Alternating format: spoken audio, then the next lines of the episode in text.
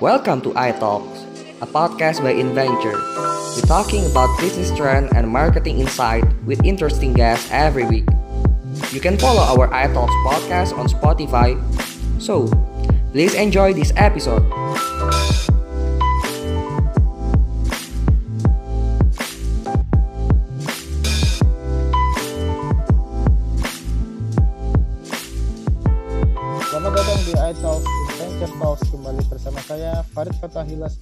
Host iTalks yang akan membahas isu-isu dan insight marketing dan bisnis terhangat serta terupdate. Seperti biasa, saya juga ditemani oleh Pak Yuswadi atau Pak Siwo. Selamat sore Pak Siwo. Halo, Farid. Ya, Selamat sore. pakar marketing dan managing partner di Adventure. Nah, untuk episode kali ini topik bis trending kita akan bahas fenomena yang cukup menarik ya dari dunia retail. Nah, kita setahun setengah pandemi ini retail terutama yang konvensional satu persatu ini mulai berguguran ya. Kemarin kita dengar yang terbaru adalah Giant rencananya bulan depan udah mulai ditutup sama induknya Hero Group. Nanti sebagian katanya akan apa namanya diganti menjadi IKEA, terus ada jadi Guardian dan lain-lain.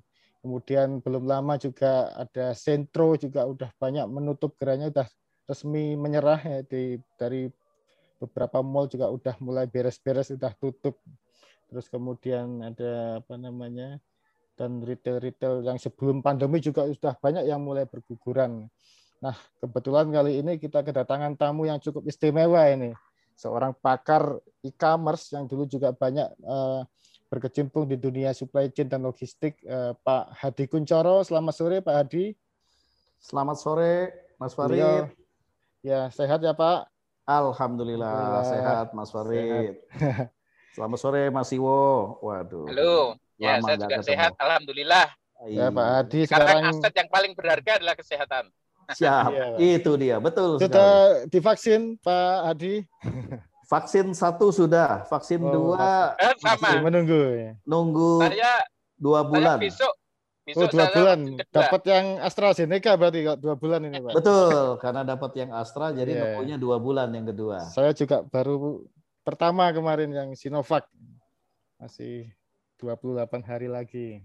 Siap. Nah, Pak Hadi ini sangat berpengalaman di dunia terutama e-commerce ya. Sekarang beliau adalah CEO Power Commerce Asia. Sebelumnya beliau apa pernah di Zalora, di e-commerce dan sebagainya. Nah, Ini mari kita kulik nih ilmu-ilmu dari beliau ini yang cukup apa banyak ini cukup udah masukkan asam garam dunia persilatan retail dan e-commerce. Nah mungkin pertama saya ke Pak Hadi dulu nih kalau Siap. melihat fenomena ini Pak apa namanya retail retail ini ya retail terutama yang konvensional ya Ya. apa namanya yang udah mulai banyak berguguran ya apalagi efek pandemi juga orang masih takut keluar rumah masih takut belanja di Ya. luar di di Ya. mall lah ini mungkin yang mendasari mereka apa pemain-pemain besar ini mulai menyerah ini. Nah Pak Ya. Hadi Kuncoro melihat fenomena ini bagaimana ini Pak? Kalau saya melihatnya eh, dari sejak awal revolusi e-commerce terjadi di akhir 2011 atau di awal-awal wah, 2010-2011 lah pada saat 2011 di mana mulai masuknya Zalora Lazada dengan investasi datang dari roket internet di situlah masa awal eh, revolusinya sebetulnya karena eh, saya sudah mulai pada saat itu sudah believe bahwa kemudian the future model business retail itu akan menjadi omni channel di situ. Hybrid, online, offline akan dikombinasikan di situ. Nah, dari sejak awal saya sudah ini. Namun kemudian COVID ini mempercepat. Mempercepat tewasnya beberapa yang aset base atau yang konvensional. Di situ. Nah, kalau kita merunut eh, sebetulnya kalau dalam perjalanan eh, retail bisnis industri di Indonesia saat ini e-commerce kontribusi itu masih tetap eh, kecil mas kontribusi terhadap total Hmm. retailnya mas Ya. jadi masih tetap dominasi itu masih yang di offline retailnya mas di situ Ya. Nah itu jadi kalau nah waktu sebelum covid e-commerce itu berkontribusi sekitar 7-8 persen terhadap total retail nasional Nah, Hmm. gara-gara COVID itu sekarang tuh udah di angka 15, 17 sampai 20 persen, Mas. Oh, double Pak ya? Double, Mas. Double Dipercepat. Nah, karena memang Berarti ya. secara digitalisasi eh, COVID itu menciptakan percepatan itu sekitar 18 24 bulan lebih cepat. Yang harusnya diprediksi eh, 2 tahun atau 18 22 tahun lagi terjadi ternyata COVID itu mempercepat semua, Mas, di situ. Hmm. Buat saya pribadi sebetulnya nggak terlalu kaget di situ. Nggak terlalu kagetnya kenapa? Karena gini, kita melihatnya eh, pada saat revolusi e-commerce atau eh, retail yang berbasis digital ini terjadi dan muncul di Indonesia, maka sebetulnya arahnya nanti siapa pun yang bermain di retail industri maka harus terjadi hybrid penggunaan teknologi Ya. itu menjadi Ya. Hmm. basis ke depannya. Itu dulu di situ. Nah, permasalahannya kenapa yang besar-besar dulu yang mati kan gitu loh. Ya kan? Iya. Kalau kita ngelihat yang besar-besar loh Mas, gitu loh, yang Betul, high ya. yang jadi kalau kalau dalam struktur retail itu kalau dalam dulu itu kan kita membaginya ada dua kelompok besar. Ada general retail sama general trade sama modern trade. Kan gitu ceritanya. Nah, modern trade itu kan terbagi menjadi beberapa struktur lagi. Mulai dari hypermarket, supermarket, minimarket sampai kemudian di bawah-bawahnya convenience store, star Iya. outlet sampai ke bawah. Itu kan modern di situ. Betul. Nah, kalau general trade macam-macam, mulai dari distributor, wholesale, star outlet, retail, toko warung, apa namanya eh, vendor, street vendor atau rombong dan sejenisnya, Yeah. termasuk institusi, koperasi dan sejenisnya.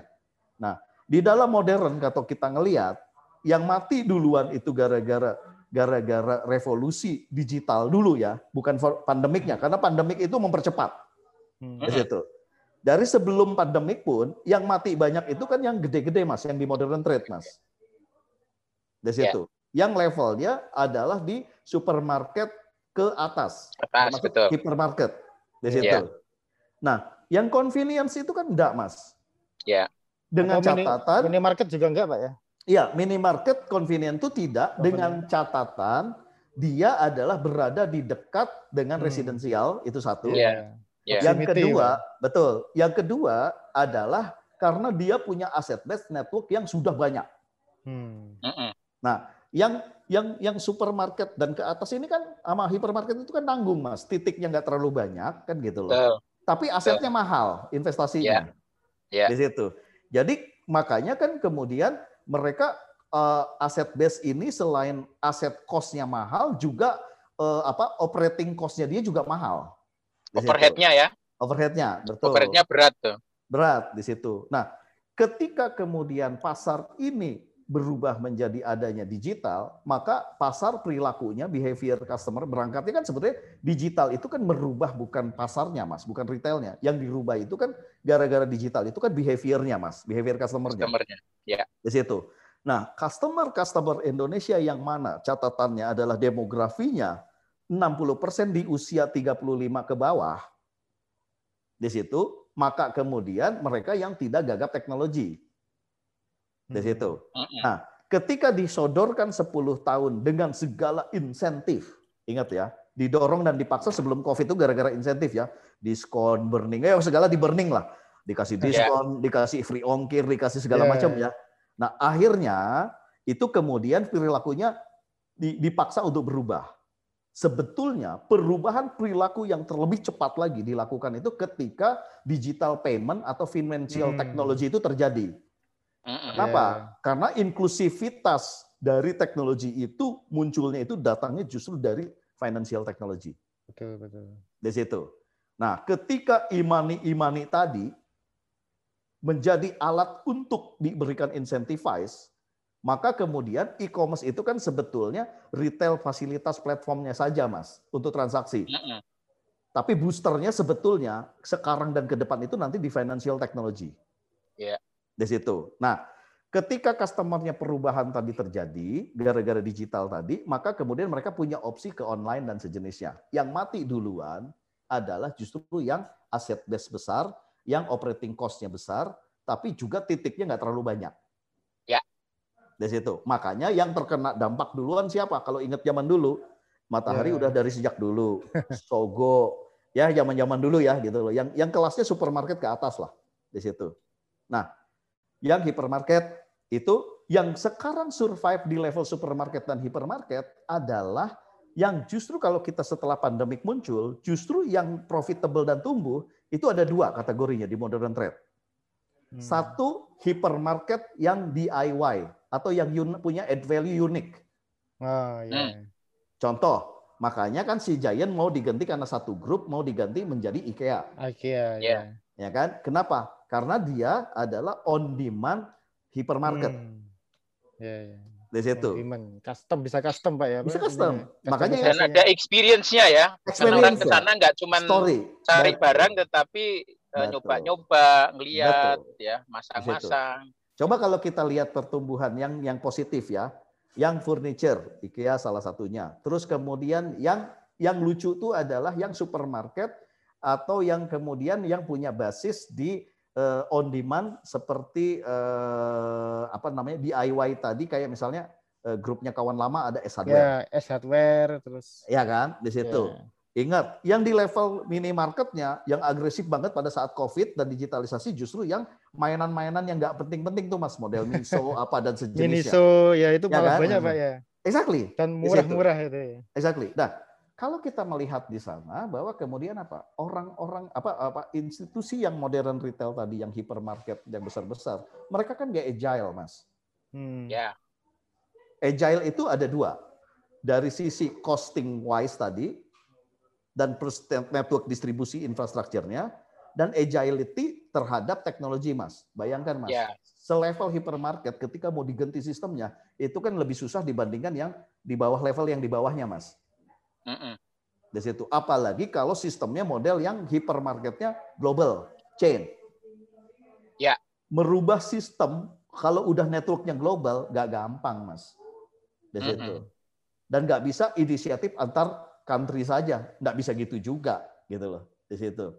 Nah makanya kenapa kemudian yang mati pertama itu adalah yang di level-level besar hypermarket dan supermarket yang general grocery.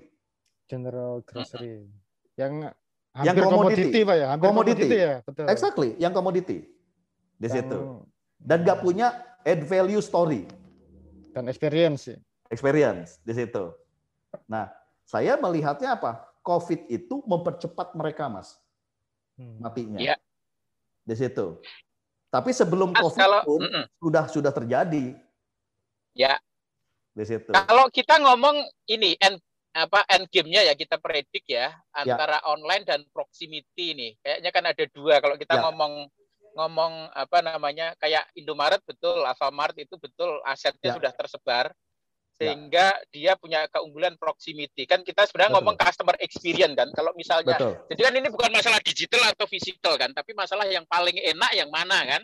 Ya. Kalau physical lebih enak, aku lebih suka ke Indomaret daripada ke uh, online misalnya ya. Ya. Eh, kalau ngelihat uh, proximity ini menurut terawangan uh, Mas Hadi ini, Ya. kira-kira eh, nanti ya kan ini udah terlanjur anu ya, terlanjur masif ya, dan ini Ya. akan masif terus karena nggak nggak aset heavy karena sifatnya franchise jadi Ya. akan terus merambah gitu. Ya. Jadi kira-kira end game-nya nanti anu ya, penguasa itu dua ya, yang kecil-kecil dan itu kan fast moving ya. Kalau kalau banyak. Indomaret kan fast moving sehingga Ya. walaupun itu general ini ya, komoditi lah ya, Ya. tapi karena fast moving sehingga apa secara overhead juga inventorinya nggak berat, secara eh, capitalnya juga nggak berat karena franchise dan yang paling utama adalah proximity itu. Jadi Ya. kira-kira bisa nggak kalau dikatakan nggak tahu nih Mas Edi ya. Jadi ada online Tokopedia, Bukalapak dan seterusnya.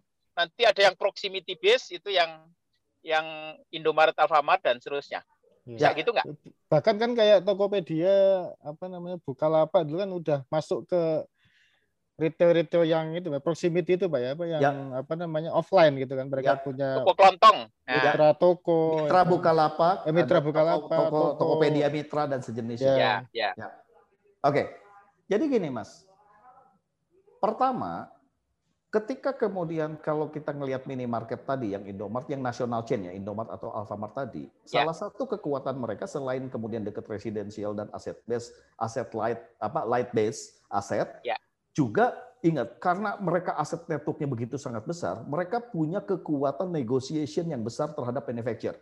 Hmm. Ya. Betul. Beda Ya. dengan modern trade yang tadi yang besar-besar tadi. Makanya yang modern trade yang ya. tadi itu kan mereka sebetulnya banyak sampai sekarang pun contoh misalnya Lotte Mart, Mas. Lotte Mart itu dalam penjualan harga barangnya itu make, make, make, make minus, nggak untung. Tapi mereka rata-rata kalau pemain gede itu ngambilnya dari mana, Mas? Dari administrasi fee, listing fee, trading term dan sejenisnya, Mas. Hmm. Ya. Di situ. Nah, model Alfamart itu karena aset base-nya besar, titik network-nya besar, mereka dua negosiasinya. Pertama, secara produk penjualan pun mereka bisa untung karena apa? Mereka punya kekuatan negosiasi yang lebih besar dibandingkan event hypermarketnya itu sendiri. Ya. Ke pabrik. Yang kedua, karena networknya mereka besar, maka visibility-nya and availability-nya menyebar ke 17.000 pulau. Ya. Di situ. Sehingga apa? Orang lebih worth it bayar trading term and listing fee di titik 17.000 pulau daripada yang besar-besar tadi. Di situ. Gak apa-apa gua bayar mahal, tapi kemudian apa? Titiknya 17 ribu pulau. Kan gitu ceritanya. Coverage-nya lebih gede Pak ya ini. Ya, bukan cuma cover rate, bukan cuma cover rate, tapi ada visibility juga loh. Ingat ya. ya. Ketika berbicara tentang network distribution, apa network distribution, maka prinsipal itu dua KPI-nya, visibility dan availability. Hmm, ya, ya. Kan gitu ceritanya. Nah, saya melihatnya gini, Mas Iwo, bahwa saya kok percaya dengan omni channel. Saya tuh nggak percaya 100% Indonesia itu akan online, Mas. Betul. 100% saya nggak percaya. Kenapa? Karena 17.000 pulau, Mas. Betul. Ya.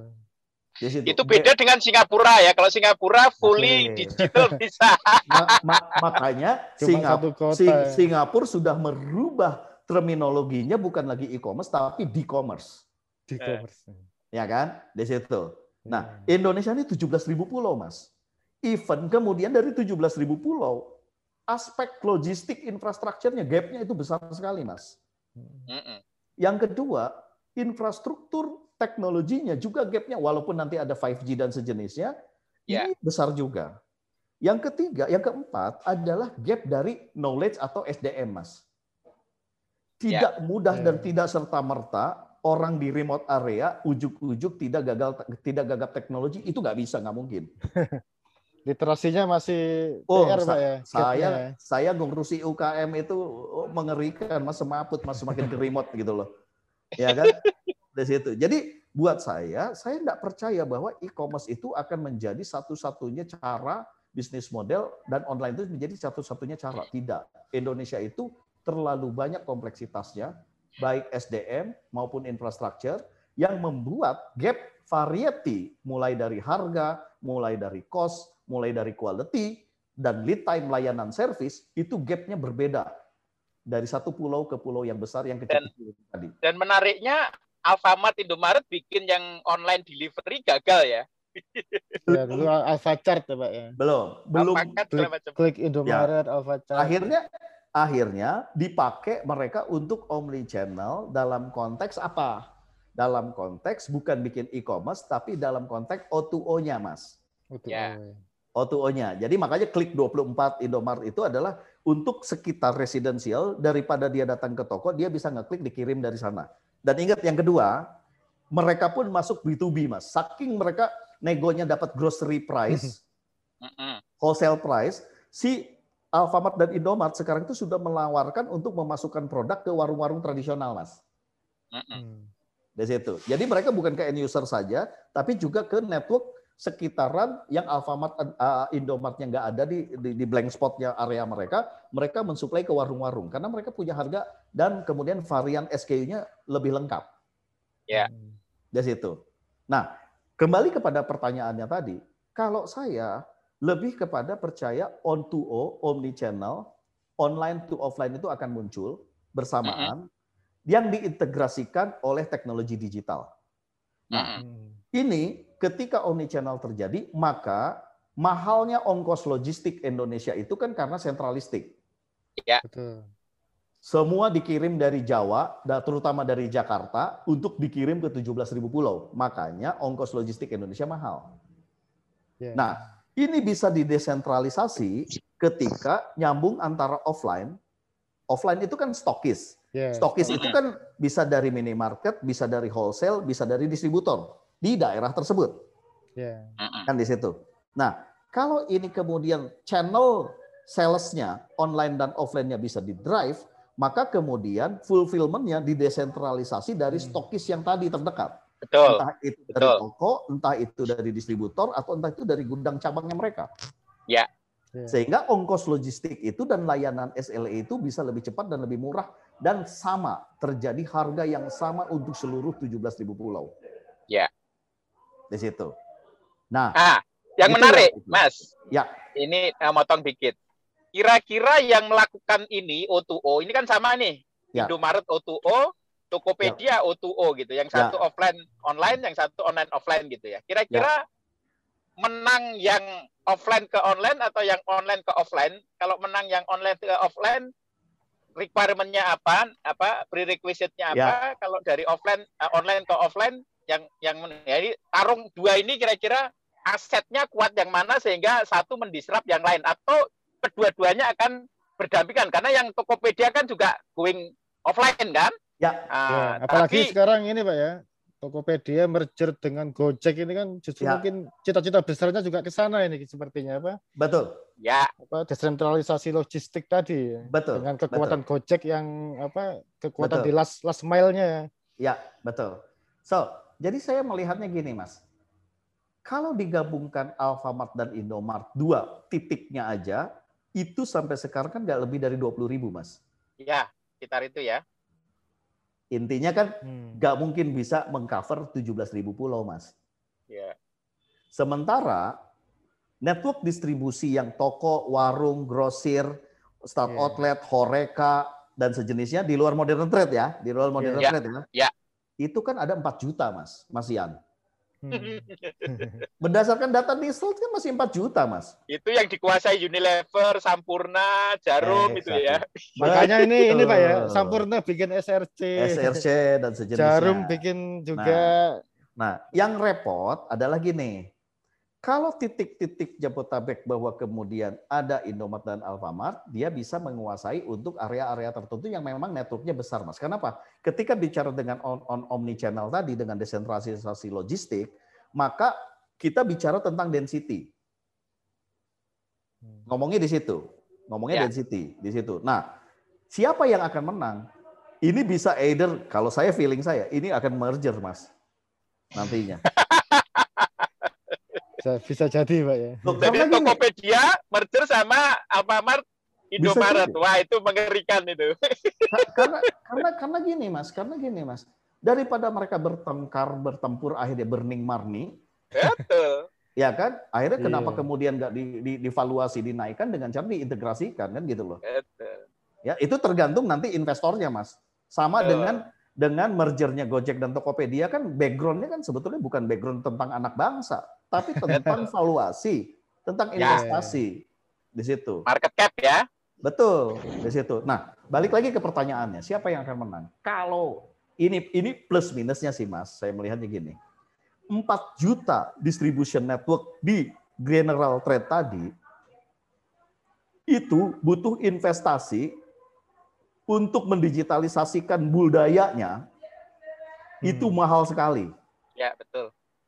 Sementara di satu sisi yang modern trade tadi yang kalau digabung Alfamart dengan Indomart nggak lebih dari 20 ribu titik belum bisa mengcover, maka kemudian mereka dari sisi gap toh mereka bisa kontrol sendiri karena itu sistemnya mereka. Mm-mm. Tapi permasalahannya coverage-nya tidak mengcover 17 ribu pulau nasional. Iya. Nah, saya melihatnya mana? Siapa yang bisa cepat duluan dalam konteks mendigitalisasikan budaya tadi proses, plus Mhm. kemudian coverage-nya bisa di- diperlebar ekspansinya, maka dia yang akan menang. Bayangannya gini, bayangan gini. Kalau Alfamart sudah mulai dan Indomaret mendigitalisasikan online dan offline-nya nyambung nih. Oke. Kemudian dia bisa ekspansi pasar coverage-nya, tap in pasarnya. Ya. Pasar ekspansinya bisa dua. Bisa dia bangun franchise-nya sendiri-sendiri sendiri dengan sistemnya sendiri atau dia membangun platform mengisi warung-warung tradisional tadi. Ya, ya. Di situ. Itu kayak kayak Sampurna kayak Jarum ya. Betul. Nah, kalau itu bisa diintegrasikan, dia bisa lebih duluan. Karena apa? Basis sistem networknya sudah ada di situ. Nah, tapi Ya. kalau seandainya saya mitra Bukalapak atau kemudian Tokopedia Mitra dan sejenisnya, dia kan murni dari telanjang orang warung yang nggak ngerti digital, yang gapnya yeah. dari handphone jadul dengan handphone yang paling canggih ada semua di di, di number 4 juta tadi. Ya. Yeah. Pertanyaannya, duit siapa yang bisa mendigitalisasikan itu? Ya. Yeah. Kan itu harus diincentivize. Ya. Yeah. Di situ. Nah, kalau dia bisa lebih cepat yang 4 juta tadi, dia menang. Nah, makanya tergantung titik dan ini. Tapi saya kalau melihat demografi dan sebaran geografisnya, sepertinya kalau Alfamart dan Indomart ini mau ber, lawannya kan masalah gini, Alfamart, Indomartnya juga bertempur juga, Mas, gitu loh. iya kan, gitu loh. Jadi dia mengkapling setiap 200 meter. Setiap ada 200 meter, sebelahan pasti ada tuh dua-duanya kan, gitu loh. Sebetulnya, Jadi kalau kita kita sebut ada tiga pemain, saya nggak tahu yang yang terakhir ini mungkin nggak kuat ya. Jadi pertama adalah yang basisnya dari online, ya. Tokopedia dan teman-teman, kemudian ya. yang basisnya offline, ya. uh, apa uh, Alfamart, uh, Indomaret dan seterusnya. Terus yang ya. ini yang muncul baru ini kan ya bukan baru malah justru yang lama. Ya. Unilever kan IT-nya kan luar biasa menguasai 4 juta itu. Terus ya. kemudian ya. Jarum bikin platformnya walaupun karena dia basisnya bukan digital company ya, jadi ya. mindsetnya masih itu saluran ya. distribusi, nggak lihatnya ya. sebagai platform gitu. Tapi ya. bisa jadi nanti uh, kayak Jarum, kayak Unilever, kayak Sampurna ini kepikiran Betul, juga main. berpikirnya kayak enggak. platform gitu. Sehingga saya enggak, saya enggak, saya enggak ngelihat ke sana, Mas. Itu ya, kayaknya memang jas untuk anu kan, jas untuk saluran distribusi mereka ya. kan, dia lihatnya enggak platform kan? Enggak, ya. karena gini. Artinya lemah ya, dia sebagai lemah. untuk penguasa itu lemah ya? Enggak, karena, Karena gini, basisnya manufaktur kan, exactly. basisnya prinsipal dia. Ya, ya, pertama basisnya dia bisnis model dia manufaktur, kemudian ya. dia berbasis kemudian secara financial model dia tidak pernah mendeklar dan membuat sebuah apa namanya satu unit untuk kemudian teknologi company. Betul, betul. Hmm. Artinya Pak, sekelas Unilever gak gampang Mas membuat sebuah bisnis unit sendiri khusus untuk teknologi. Karena itu different animal ya. Exactly. Yeah. Karena apa? Yang satunya profit base, private equity, yang satunya betul. venture capital model, Mas. Betul. Iya, betul. Market Pasti ya. Exactly. Pasti itu kasusnya kayak Alfamart pada saat bikin Alfacart. Yang ngerusak yeah. sahamnya kan Alfacart-nya karena burning. Makanya yeah. akhirnya ditutup, dijadikan online alfaonline.com-nya. Ya. Yeah. Jadikan saluran channel omni channelnya saja, bukan marketplace platform. Hmm. Itu pengalamannya. Karena apa? Karena yeah. dia salahnya ada di TBK induknya. Iya. Yeah. Itu. Jadi saya tidak melihat itu. Tapi mungkinkah bahwa kemudian Jarum berinvestasi, makanya dia investasi. Cuman tinggal tinggal melihat. Pertanyaannya kan gini, Mas. Kalau saya ngelihat persaingan dari retail retail bisnis dan startup bisnis ini kan gini. Southeast Asia itu akan dikuasai oleh tiga. Hmm. Yang sudah mulai kelihatan bentuknya. Satu, gabungan Gojek dan Tokopedia. Yeah. Dua adalah Shopee Group, Shopee. CEO. Yeah apa SEA SEA Group, SEA, SEA, SEA. SEA Group di situ. Yang ketiga ini Grab mau merapat ke mana? Ya. Hmm. Apakah Grab ini akan masuk ke Lazada? Ya. As a group atau Grab akan kalau Indonesia mengambil Bukalapak? Ya. Karena mungkin. Kenapa? Ya? Betul. Kenapa? Saya melihatnya gini. Bukalapak sudah tidak mau bersaing lagi dengan Shopee dan Tokopedia, Mas. Karena udah telat hmm. semuanya. Ya untuk C2C dan B2C. So why makanya investasi yang 300 juta tadi, prediction saya planningnya itu akan dialokasikan mendigitalisasikan warung tadi, Mas. 300 juta hmm, miliar tadi untuk mitra Bukalapak. Makanya Bukalapak tuh minggir ke pinggir. ke R2, R3, R4. Ya. Di situ untuk membangun digitalisasi itu. Nah, pertanyaannya apakah kemudian semudah itu mendigitalisasikan 4 juta outlet tadi duitnya yang... duitnya mau berapa itu kan exactly bukan cuma duitnya Dan sulitnya mas. ya sulitnya Dan sulit itu kompleksitasnya culture-nya yeah. mas di iya. situ yeah. contoh apakah warung pintar berhasil mendigitalisasikan rombong ya yeah. hmm. totally failed ya yeah. di situ dan cuma dikit lah ya ada wahyu itu pak ya Wahyu. Nah, Wahyu agak mendingan mas, karena captive ordernya jelas mas. Hmm, yeah. Dan dia unik mas, on demand yeah. di warteg. Dan dia bisa nyari duit ketika dia tap in ke wartegnya, dia bisa nyari duit dari uh, monetizingnya dari dealing dengan supplier mas, hmm. dengan pabrik mas. Tapi kalau kalau model yang yang yang yang warung pintar warung itu kan pintar. Kan street vendor, rombong. Satu rombong berapa sih omsetnya, Mas? Iya. Sehari dengan investasi teknologi dan burningnya untuk membudayakan digital di street vendor. Kasarannya gini, dari sejak awal warung pinter saya itu udah nggak percaya gitu loh. Kenapa? Lu mendigitalisasikan warung yang level warung aja lu nggak bisa, apalagi street vendor. Iya, iya. Lo logik lo mas gitu loh. Karena apa? Saya kan berangkat dari FMCG company kan. Saya ngerti network Iya. distribusi kan gitu loh Ya. di situ. Nah itu yang yang saya lihat bahwa kemudian eh, ke depan itu saya melihatnya akan dua pemain di mana kemudian online yang tadinya offline membangun network online dan Betul. online membangun network offline. Cuman Oke. siapa yang akan menang ini masalah waktu nih mas. Ya. Karena apa? Sama-sama komplek. Yang satu kompleknya untuk ekspansi, karena nggak cukup tuh tadi yang 20 ribu titik itu untuk mengcover nasional. Ya. Sementara yang satunya, kalau mau mendigitalisasi yang yang tradisional, ada 4 juta. Ya. Siapa yang cepat duluan tuh? Karena itu sama-sama kompleks tuh. Tapi kira-kira yang mendigitalisasi 4 juta ini kalau nggak yang kelompok pertama yang online tadi atau kelompok yang kedua yaitu yang offline Ya. digital apa eh, Alfamart, Indomaret atau yang Betul. Tokopedia dan teman-teman kan kira-kira dua nggak ada nggak ada pemain yang lain yang untuk mendigitalisasi yang 4 juta ini kan? Yang ketiga itu ada pemain-pemain e-commerce on demand yang model Hmm. sendiri langsung. Ada kan kayak model SRC dia bikin sendiri. Ya, Terus itu. kemudian ada Ula, Ula. Ya kan? Ula baru dapat duit tuh kemarin Ula itu kan mendigitalisasikan warung-warung juga di situ. Ama on demand yang spesifik pas yang tadi Wahyu dengan wartegnya Mm-mm. ini dan sejenisnya. Tapi at the end of the day buat saya itu apa? Itu kolaborasi investment pada akhirnya nanti mengerucut nanti akan merging and akuisisi. Betul.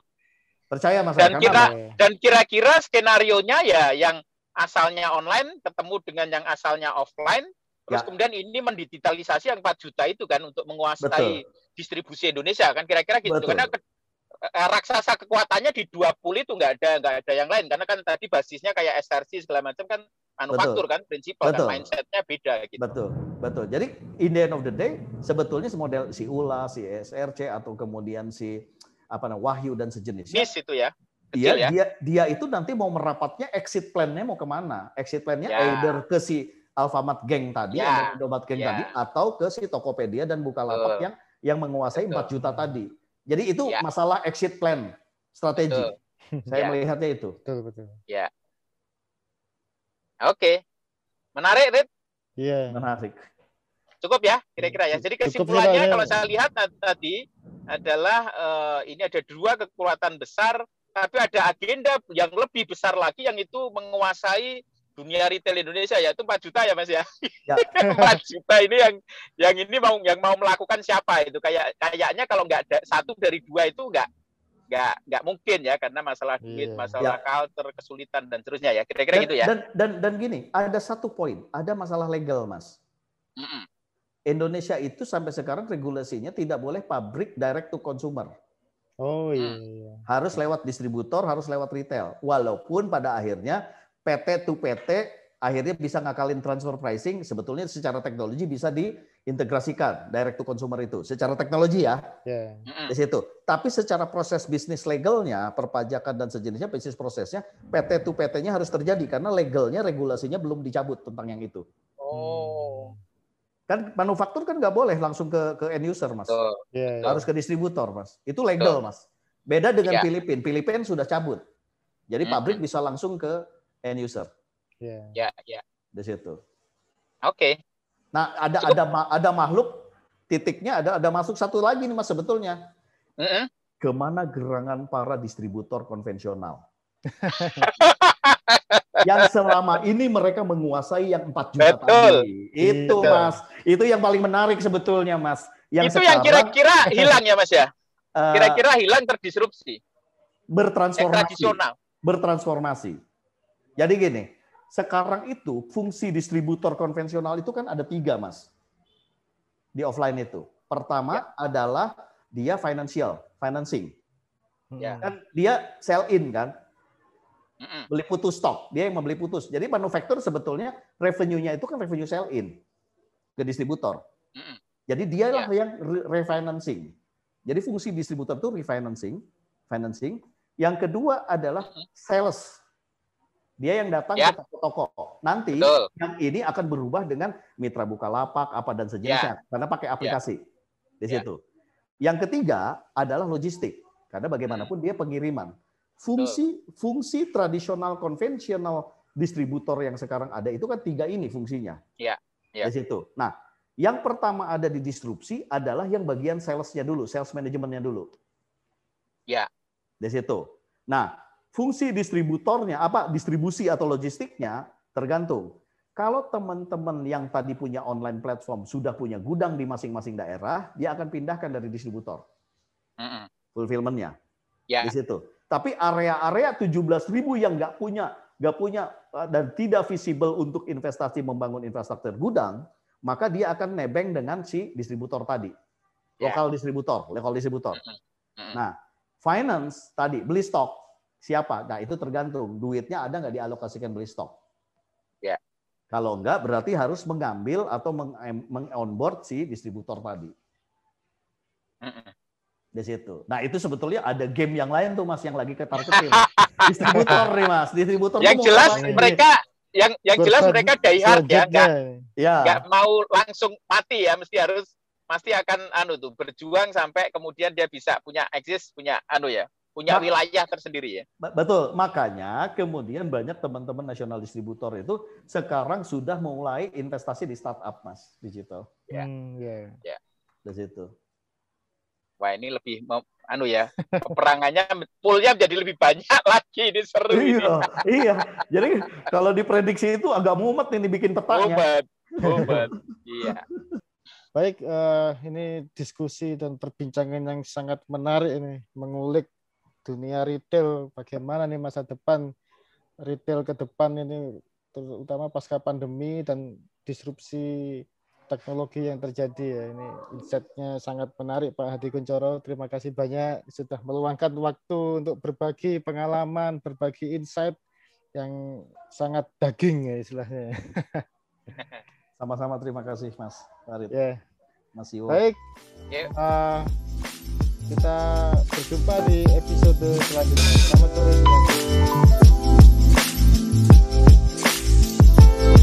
Selamat sore.